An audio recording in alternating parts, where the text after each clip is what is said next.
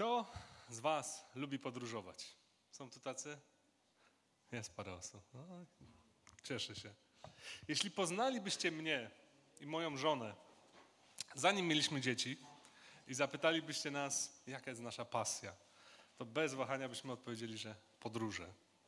Dawno temu, za czasów studenckich, jeszcze jako, czy potem jako młode małżeństwo, w ten sposób się realizowaliśmy, podróżowaliśmy, no może nie po świecie, ale po Europie i okolicach. I bardzo to e, lubiliśmy, wciąż to lubim, lubimy. Teraz jako rodzina staramy się e, też do tego wracać, ale są pewne wyzwania e, w postaci małych dzieci, ale, ale chcemy to robić. Może, jak Pan Bóg pozwoli, niedługo gdzieś pojedziemy. I też ten temat jest mi bliski, sobie przypomniałem, przygotowując się do tego kazania, że nawet pisałem pracę maturalną na temat podróż w literaturze, czy coś takiego było. Także powiedzmy, że jestem ekspertem, jak będzie. Ale motyw podróży e, jest, tak jak tutaj widzieliśmy, jest bardzo popularny nie tylko na tej sali, ale ogólnie na świecie. Jest popularny w kulturze, w literaturze, powstaje masa książek. E, wiele dobrych historii właśnie opiera się o podróż. Mamy na przykład Bilba, który idzie na samotną górę, Frodo, który idzie do Mordoru i z powrotem, e, nie wiem, Luke, Skywalker wyrusza w podróż, żeby zostać Jedi, uratować rebelię, czy tak trochę klasycznie Odyseusz wyrusza do Troi i potem stara się wrócić do domu. Myślę, że można by tak wymieniać. Ale każda podróż ma swoje, powiedzmy, podobne elementy. Ma swój początek, ma e, swój koniec, ma różne zwroty w tej podróży, ma momenty upadków, ma momenty zwątpienia, czy też momenty na jakieś podsumowanie. I zwykle jak patrzymy na podróż, jest to taka podróż fizyczna. Bohater porusza się z punktu A do punktu B i może z powrotem.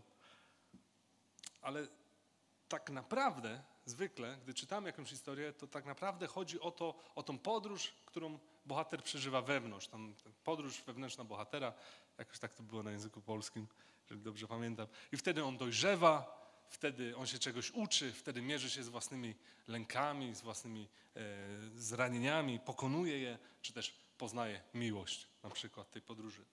I Ewangelia, jak każda dobra historia, również związana jest z podróżą. I w przypadku Ewangelii z jednej strony mamy ten, ten, ten, fizyczny aspekt podróży.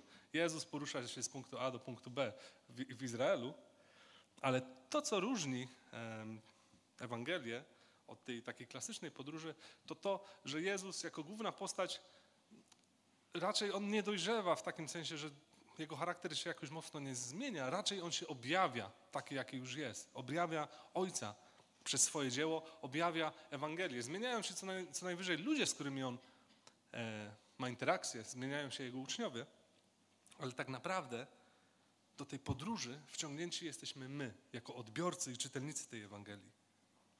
I tutaj nie chodzi, żebyśmy delektowali się opisem e, przyrody, czy opisem miejsc, w których e, Jezus jest, czy postaciami, które poznaje, ale podążając za Nim w tych Jego kontaktach z ludźmi, w tych, w tych interakcjach, w których się znalazł, w których objawia właśnie siebie, objawia Ewangelię, których głosi im, jesteśmy świadkami reakcji tych ludzi. I mamy zadawać sobie pytanie, jak to jest z nami? Gdzie my jesteśmy w tej podróży? Jaka jest moja wiara? Jak ja bym zareagował na to, gdyby Chrystus zrobił to czy tamto, gdyby powiedział to czy to? Czy ja bym wykazał taką wiarę? Czy ja mam taką wiarę? Jaka moja wiara jest w ogóle? I w tym kontekście Ewangelia jest dla odbiorcy, jest dla nas pewną podróżą wiary, gdzie Chrystus zaprasza nas do tego, żebyśmy Mu uwierzyli. Stali się Jego uczniami, zaufali i poszli za Nim. Zatem jest to moja i Twoja podróż. Czytając Ewangelię, czytaj, e, czytając tę historię, stawiajmy sobie pytanie, w którym miejscu tej podróży jestem ja? I ta Ewangelia Jana, którą już od jakiegoś czasu zgłębiamy, rozdział po rozdziale, czy fragment po fragmencie, jest szczególna właśnie pod tematem, e, pod kątem tematu wiary. Bo Jan właśnie po to napisał swoją Ewangelię, żeby pokazać, z jakich powodów jego odbiorcy mają wierzyć, w co mają wierzyć, a w zasadzie w kogo mają wierzyć i jak żyć tą wiarą.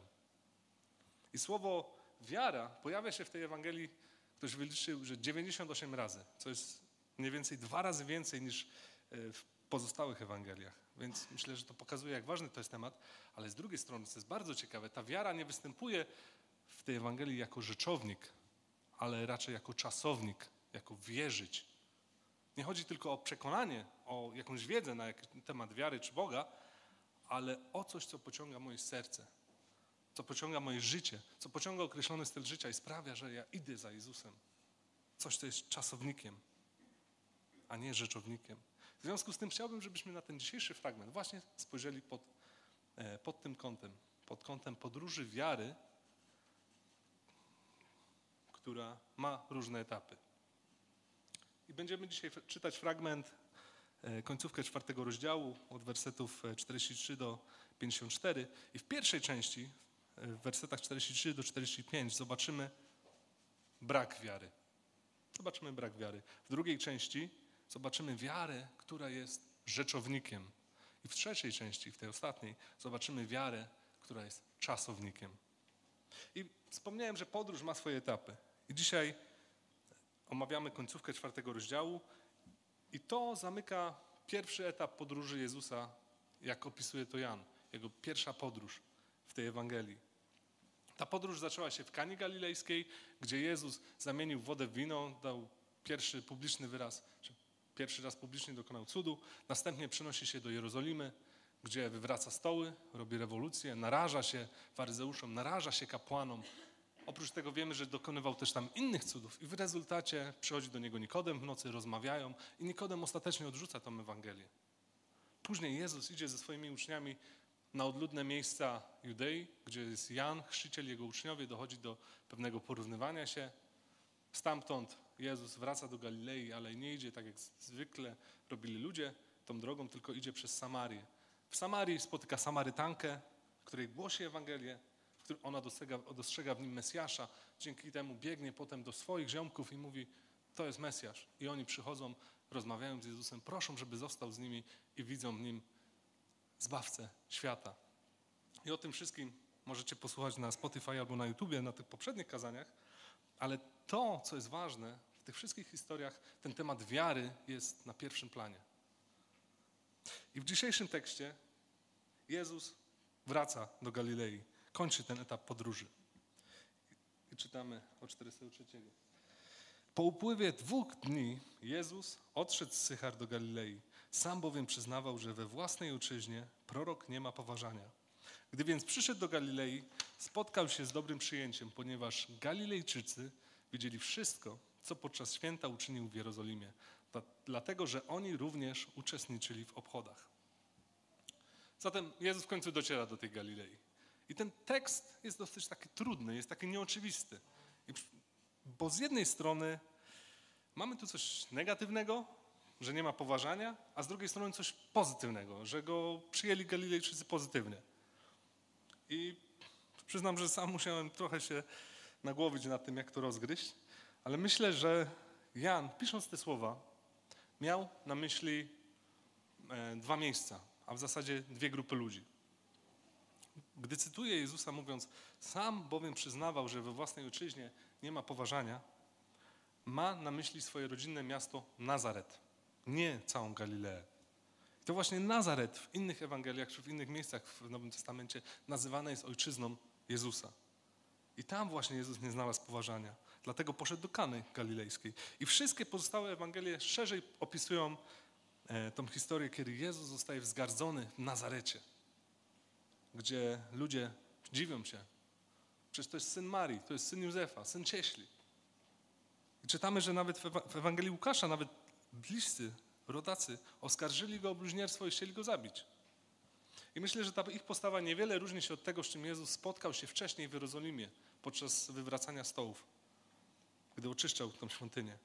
Żydzi nie wierzyli w Niego i się pytali o Jego autorytet. Jakim prawem Ty to czynisz? Kto dał Ci władzę do tego? Jakim znakiem to uzasadnisz? Mimo, że Jezus dokonywał tam cudów czy znaków. Żydzi odrzucali Jego autorytet i odrzucali Jego poselstwo, bo w Niego nie wierzyli, bo naruszał ich interesy. Co z tego, że oni przez swoje działania jawnie bluźnili przeciwko Bogu?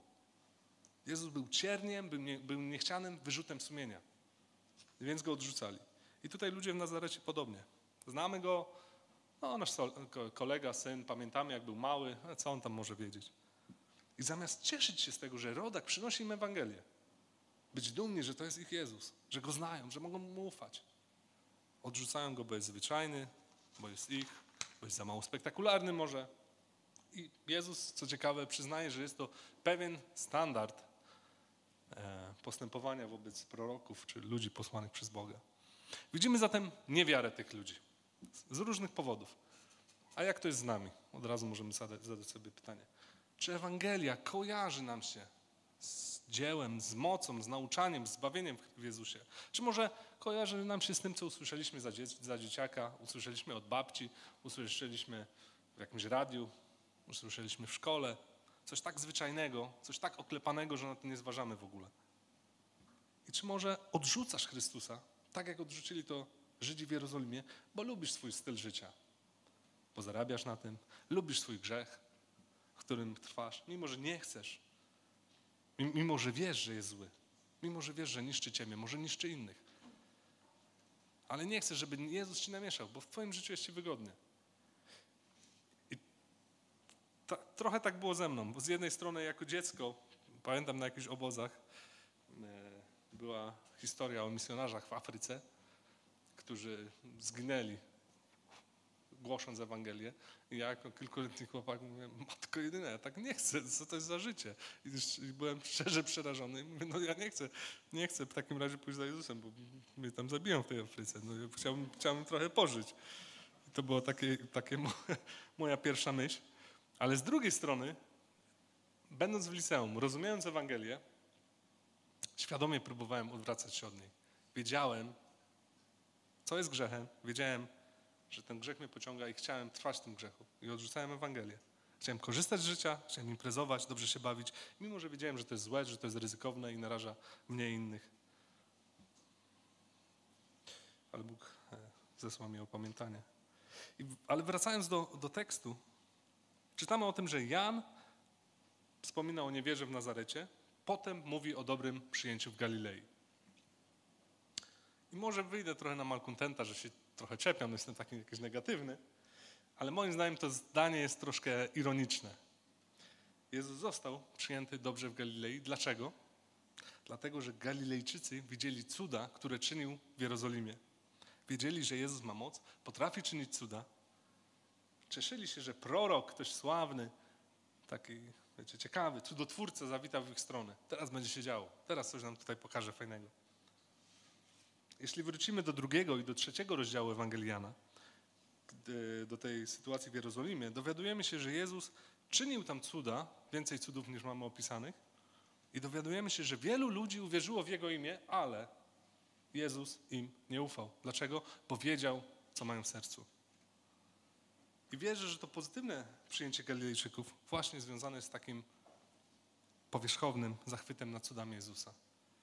Że byli to ci sami ludzie, których Jezus widział w Jerozolimie, którzy w Niego wierzyli, ale którym On nie ufał. Ludzie, którzy oczekiwali cudów, oczekiwali tego, że coś zyskają od Jezusa, oczekiwali zdrowia, oczekiwali jedzenia, oczekiwali może jakiejś atrakcji, jakiegoś urozmaicenia, coś będzie się działo, ale nie oczekiwali Zbawiciela i nie chcieli Zbawiciela. Nie widzieli, że mają problem. I to jest postawa, w której ludzie widzą fajne rzeczy, widzą może jakieś cuda, widzą, jadą na jakieś koncerty, jakieś uwielbienia. Jest super duchowa atmosfera, jesteśmy podniesieni, nasze stopy unoszą się nad ziemią. Tacy jesteśmy duchowi. Może jadam na jakąś misję albo na jakiś wyjazd. Coś się dzieje i powiedzą, tak wierzę, jaka moja wiara jest mocna. Ale potem przychodzi codzienność. I w tej codzienności brakuje tych uniesień. Brakuje cudów. Pojawiają się problemy, pojawiają się zwątpienia i wtedy już nie jest tak fajnie. I myślę, że tutaj e, ludzie w Jerozolimie, czy historia Jezusa pokazuje podobnie. Kiedy Jezus był popularny, tłumy za nim szły, podążanie za nim wiązało się z jakimś kosztem, ludzie zaczęli się wykruszać. A może jednak nie jest taki fajny. A to nie jest koszt, który chcę zapłacić. Co się skończyło tym, że ci sami ludzie, którzy go witali, gdy wjeżdżał na osiołku, potem żegnali go, krzycząc: Ukrzyżuj go. I ta wiara jest rzeczownikiem, jest pewną fasadą, za którą niewiele się kryje. I czy nam się nie zdarza w podobny sposób podchodzić do Boga? Szukać tego hypu, szukać emocji, szukać wzruszeń. Przyznam, że sam się wzruszyłem tutaj, śpiewając o tym drzewie i o tym strumieniu. I nie mówię, że Bóg tego nie daje że to jest złe, ale jeśli skupiamy się tylko na tym i tylko tego poszukujemy, to tak naprawdę skupiamy się na nas. Nasza wiara jest samolubna. Ja chcę się lepiej poczuć, ja chcę coś przeżywać ja chcę być świadkiem cudów. Chcę być lepszy od innych. Ja, ja, ja. I takim ludziom Chrystus nie ufa i nie powierza się. I jeśli miałbym stopniować tą wiarę, to na pewno to, co tutaj widzimy, to jest powiedzmy krok dalej w tej podróży wiary. W stosunku do Nazaretu. Tam nie była niewiara, tutaj jest jakaś wiara. Bardziej w cuda niż w Jezusa, ale można powiedzieć, że ta mała wiara może prowadzić do kolejnego kroku w podróży wiary. Zatem z niewiary w Nazarecie dochodzimy do źle ukierunkowanej wiary w Galilei. Jesteśmy krok dalej. I ten wątek wiary, która jest rzeczownikiem, rozwija kolejny fragment. Od 46. Zatem Jezus, znowu zatem Jezus przyszedł do Kany Galilejskiej, gdzie wcześniej przemienił wodę w wino. W Kafarnaum natomiast mieszkał pewien urzędnik królewski, którego syn chorował. Gdy usłyszał, że Jezus przyszedł z Judei do Galilei, udał się do niego i prosił, aby wstąpił i uzdrowił jego syna, który był bliski śmierci. Jezus powiedział do niego: Jeśli nie zobaczycie znaków i cudów, nigdy nie uwierzycie. Urzędnik na to: Panie, wstąp, wstąp zanim umrze moje dziecko. Zatem Jezus idzie do Kany Galilejskiej, wraca, wraca tam, skąd zaczęła się ta jego publiczna służba. I czytamy, że urzędnik mieszkał w Kafarnaum. Spojrzałem wczoraj na Google, to wyszło teraz około 35 kilometrów, tak na moje laickie oko, od, Gali, od y, y, Kafarnaum oddalone od y, Kany Galilejskiej. I ten urzędnik słyszy, że Jezus jest w Galilei, Jezus jest w Kanie. Ten urzędnik prawdopodobnie był jakimś wysoko postawionym Rzymianinem. I on idzie do Jezusa sam, bo słyszał, że czyni cuda, jest w potrzebie, jego syn choruje szuka ratunku. Pieszo to pewnie te Cały dzień drogi. Widać zatem pewien akt desperacji w postawie tego urzędnika, a także wyraz wiary tego człowieka, skoro sam przebył tą drogę. Ale jest to również akt pokory. Ten człowiek, który piastował wysokie stanowisko na, na dworze królewskim, jednak nie przeszkodziło mu to w tym, żeby się ukorzyć przed Jezusem. Usłyszał o Jezusie, prawdopodobnie o tym, co robił w Jerozolimie. Usłyszał o cudach, o znakach, jakie czynił. To i ta desperacja, ten krytyczny stan syna skłoniły go do szukania u niego ratunku. I ważne jest to, co Jezus odpowiada na, na potrzeby, na pytanie, czy na prośbę tego, tego człowieka. Mówi, jeśli nie zobaczycie znaków i cudów, nigdy nie uwierzycie. Jezus mówi w liczbie mnogiej. I do kogo On to mówi? On to mówi do tego urzędnika, ale też mówi do tych Galilejczyków, do tych ludzi, o których wcześniej wspominałem, którzy byli świadkami tych cudów w Jerozolimie, którzy Go teraz ciepło przyjęli. I w ten sposób Jezus gani, czy napomina wiarę tych ludzi, wiarę opartą, wiarę w cuda, czy opartą o cuda, a nie w Niego. Wiarę, która w cudach szuka rozwiązania dla swoich problemów i zaspokojenia swoich potrzeb, a nie wiarę w Zbawiciela. I pod koniec Ewangelii e, Jan w 20 rozdziale 30-31 podsumowuje rolę znaków czy cudów, które opisuje. Wiele też innych znaków dokonał Jezus wobec swoich uczniów. Nie zostały one opisane w tej księdze. Te natomiast zostały opisane po to, abyście wierzy, wierzyli, że Jezus jest Chrystusem, Synem Boga i abyście wierząc mieli życie w Jego imieniu. Znaki, które czynił Jezus, miał być drogowskazem, miał wskazywać na Niego. Na to, że to, co głosił, to, co mówił, to, co robił, jest prawdą. Na to, że ludzie są chorzy i potrzebują ratunku, potrzebują lekarza, że problemem człowieka jest grzech. I tylko Jezus odpowiedział na ten grzech. I zatem te cuda, które Jezus czynił, miały potwierdzać, że jest Bogiem, że jest ratunkiem i że ma moc ich zbawić były znakami Jego prawdomówności, Jego pochodzenia, Jego mocy. Zatem ludzie, którzy widzieli te znaki, mieli, patrząc na te znaki, skupiać się na Nim, podążać za Nim, szukać w Nim ratunku, dostrzec w Nim Zbawiciela, odwrócić się od swojego życia, od grzechu i podążać za Nim. Jeśli wyobrali, wyobrazilibyśmy sobie drogę, człowiek nieznający Chrystusa idzie drogą na zatracenie i przed nim zostaje postawiony znak. Cud, cokolwiek. I ten znak mówi: skręć, tam jest ratunek, tam jest Chrystus, idź za nim. To co powinien zrobić ten człowiek? Powinien pójść tą drogą, którą, na, ten, na którą ten znak wskazuje. A zamiast tego często stoi i gapi się na ten znak. Jaki to jest piękny znak.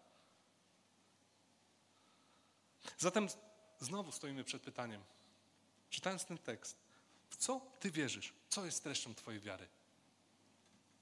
Czym pokładasz nadzieję? Kim dla ciebie jest Chrystus i jaką rolę odgrywa w twoim życiu? I jeśli oczekujesz od Boga, żeby zrobił to czy tamto, patrzysz na Niego jak na dżina, który już wielokrotnie odpowiedział na twoje modlitwy, pomagał ci, doświadczyłeś Bożej miłości i przez to definiujesz waszą relację, to pamiętaj się. Bóg jest łaskawy i cierpliwy i daje oznaki swojej miłości i troski, ale one mają służyć temu, żebyś mu, żebyś mu zaufał, żebyś mu uwierzył i oddał swoje życie, żeby on stał się Panem, żebyś poszedł tą drogą za nim, a nie stał w miejscu i patrzył na ten znak. Bądź wdzięczny za jego działanie, ale niech to prowadzi cię do lepszego poznania. Z drugiej strony, ten fragment porusza pewien trudny i ważny temat, o którym teraz tylko wspomnę, ale na pewno będę miał okazję e, jeszcze o tym mówić w trakcie omawiania, omawiania tej Ewangelii. Jest to temat cierpienia i tego, jak Bóg czuwa nad cierpieniem, jak je wykorzystuje w swoim planie i dla swojej chwały. Ten urzędnik, ten Rzymianin, człowiek wysoko postawiony, mający władzę, pewnie mający pieniądze, mający wpływy, mający kontakty, król życia, moglibyśmy powiedzieć. Okazuje się jednak, że jest coś, nad czym nie panuje. Że jego ręce są za krótkie. Jego synek choruje i on wie, że on może umrzeć. Ten urzędnik z całą swoją władzą, z całym swoim bogactwem jest bezsilny, jest bezbronny. Jako ojciec wiem, jak straszne to jest uczucie, gdy dziecko gorączkuje. Któryś dzień omdlewa na rękach nie możemy z tym nic zrobić. Z drugiej strony jesteśmy, bylibyśmy w stanie zrobić wszystko, żeby mu pomóc. Nie jest nam to obce. Myślę, że teraz, szczególnie gdy tak wiele osób choruje dookoła. Na początku roku e, przeżywaliśmy historię nowonarodzonego Iwa Ignaczaka, który miał dwa miesiące, trafił do szpitala z powodu odwodnienia. Tam złapał coś, jakąś bakterię i w rezultacie był w stanie zagrożenia życia. Dwumiesięczne dziecko. Nie jestem w stanie sobie wyobrazić, co przechodzili Seba i Roza. I co mogli zrobić? Niewiele. Mogli zdać się na lekarzy, a z drugiej strony wiem, że szukali w tym cierpieniu, w tym zwątpieniu Boga. Szukali, wołali do Niego, ufali Mu. Szukali Jego mądrości. Każdy telefon, każda moja rozmowa z Sebą tak się kończyła, że oni ufają i oczekują. I Bóg nie zawiódł i odpowiedział. Mały ma się dobrze. Wiem, że, mówię teraz do Rozy i Seby, bo wiem, że nas oglądają. Wiemy, że jeszcze się zmagacie z chorobami i pamiętamy o Was w modlitwie. I wielu z nas zmaga się z chorobami fizycznymi, z chorobami psychicznymi. Zmagamy się ze śmiercią, zmagamy się z bólem. Wiele osób dzisiaj nie przyszło z, różnych powodów. I wierzę, że ten tekst jest zachętą, mimo naszych słabości, mimo naszej słabej wiary. Może takie jak u tego urzędnika, tej iskierki nadziei tylko, żebyśmy przynosili to, z czym się zmagamy Bogu, oddawali to Jezusowi wierzyli w Jego moc, ale też ufali, że jest tym, za kogo się podaje. Że Jego obietnice są prawdą i w Nim, tylko w Nim mamy łaskę, prawdę i pokój. W naszej podróży wiary sporo czasu poświęciłem tematowi braku wiary, także wiary, która jest rzeczownikiem i w końcu dochodzimy do chyba najciekawszej, najbardziej ekscytującej części wiary, która jest czasownikiem. Od 50 czytamy: Idź, powiedział Jezus, Twój syn żyje. Człowiek ten uwierzył słowu, które skierował do niego Jezus i poszedł. A gdy jeszcze był w drodze, jego słudzy wyszli mu naprzeciw, mówiąc, że jego dziecko żyje. Zapytał ich więc o godzinę, w której mu się polepszyło. Gorączka spadła mu wczoraj około godziny 13, odpowiedzieli. Wówczas ojciec uświadomił sobie, że o tej właśnie godzinie Jezus go zapewnił, Twój syn żyje. I uwierzył on sam oraz cały jego dom. Był to już drugi znak, którego Jezus dokonał po przyjściu z Judei do Galilei. Mimo, że dosyć ostro się wypowiadam na, na temat e, tamtej postawy czy tamtej wiary, tutaj u tego Rzymianina widzimy pewien przebłysk wiary, który doprowadził go do Chrystusa i doprowadził go do ratunku. Ratunku syna, ale tak naprawdę okazuje się, że to był ratunek dla niego samego. I zobaczcie, Jezus w odpowiedzi na jego prośbę odpowiada mu: Idź, twój syn żyje. I co się dzieje, dzieje dalej? Człowiek ten uwierzył słowu Jezusa. I nie znamy dokładnych okoliczności, nie wiemy, co tam się jeszcze wydarzyło, co jeszcze zostało powiedziane, ale ten człowiek uwierzył w słowo Jezusa. Nie widział przy tym i nie potrzebował cudów, które potwierdzały. Nie powiedział, wyczaruj mi tu chleb, to ci zaufam, że go zrobiłeś, albo nie wiem, co tam, niech grom spadnie z nieba, to ci wtedy zaufam. Nie, on tego nie widział. On uwierzył, można powiedzieć, na słowo Jezusowi. Po czym możemy to poznać? Po tym, że poszedł do domu, że wrócił, wierząc, że jego syn jest zdrowy. Wiecie, co by zrobił przedsiębiorczy, inteligentny człowiek na jego miejscu? Co ja bym pewnie zrobił, jak już tam cały dzień szedłem, do doszedłem do tej Kany Galilejskiej. Fajnie, że on mi to powiedział, no ale jak już tu jestem, to może zobaczę, jakie są apteki, może są jacyś znachorzy, może są jakieś alternatywne metody leczenia w tej Kanie. No, a nóż się przyda, no nie wiadomo. No to zadzwonię, zapytam. Ale ten człowiek odpuścił temat i wrócił do domu. I to jest wiara, która jest czasownikiem. I myślę, że to jest zachęta dla nas, że czasem trzeba po prostu albo aż uwierzyć. Nie jesteś w stanie zrobić więcej niż tylko to. Zaufać Bogu w Jego słowo, że zatroszczy się o Ciebie i trzymać się Jego obietnic. I te obietnice mają wpływać na Twoje działanie. I gdy po drodze ten urzędnik spotkał sługę, który potwierdził, że gorączka spadła, w tym czasie, kiedy Jezus rozmawiał z nim, uwierzył on jakby znowu, on i cały jego dom. Uwierzył, że Jezus jest Zbawicielem. Uwierzył, że to, co głosi, jest prawdą. Uwierzył, że ma problem. Uwierzył, że znalazł prawdziwego lekarza. I myślę, że ta historia jest niesamowita. Po pierwsze, widzimy, że Jezus kolejny raz dokonuje znaku. Słowem potrafił uzdrowić człowieka chorego o kilkadziesiąt kilometrów oddalonego od niego, co wskazuje, że jest Bogiem i ma moc i może uratować. Ale jest to również niezwykła historia procesu, czy tej podróży wiary tego urzędnika. Bóg posłużył się chorobą jego syna, żeby uratować tego urzędnika, żeby dotarł do wiary. I ten człowiek w tej dramatycznej sytuacji usłyszał jakieś pogłoski, jakieś historie o wędrownym nauczycielu, który czyni cuda. Uwierzył, że jest jakaś szansa. I ta nikła nadzieja skłoniła go do podjęcia tej wędrówki, aby ukorzyć się i błagać o pomoc dla swojego syna. Spotkanie i rozmowa z Jezusem doprowadziła, że uwierzył w Jego słowo, uwierzył, że Jezus ma moc uzdrowić Jego syna, nawet będąc bardzo oddalonym. Uwierzył w to, że jest kimś niezwykłym. Jezus uratował Jego syna. Doświadczenie tego uzdrowienia i bycie świadkiem i częścią tego cudu doprowadziło go do prawdziwej wiary Jezusa, że jest tym, za kogo się podaje. Nie tylko Jego, ale też Jego rodziny. I patrząc na wiarę tego człowieka, niezależnie od, której, od momentu, w którym, e, od momentu podróży, jego podróży, czy to na początku, gdy pojawiła się ta iskierka nadziei, że ktoś może mu pomóc, czy gdy rozkwitała, gdy uwierzył w słowo Jezusa, czy, czy gdy osiągnęła pełnię, można powiedzieć, i gdy jego syn został uratowany. Widzę, że wiara tego człowieka nie jest rzeczownikiem, ale jest czasownikiem. Od samego początku wyrażała się w działaniu, wyrażała się w poświęceniu, wyrażała się w zaufaniu. Od przebycia tej drogi pieszo, ukorzenia się, pójścia z wiarą do Syna po zapewnieniu Jezusa, przyjęcie tego i, i pewnie głoszenie swojej rodzinie, skoro oni też uwierzyli. I wierzę, że Słowo Boże wzywa nas do takiej wiary, takiej postawy takiej desperacji w podążaniu za Jezusem. Zatem, jaka jest historia Twojej wiary?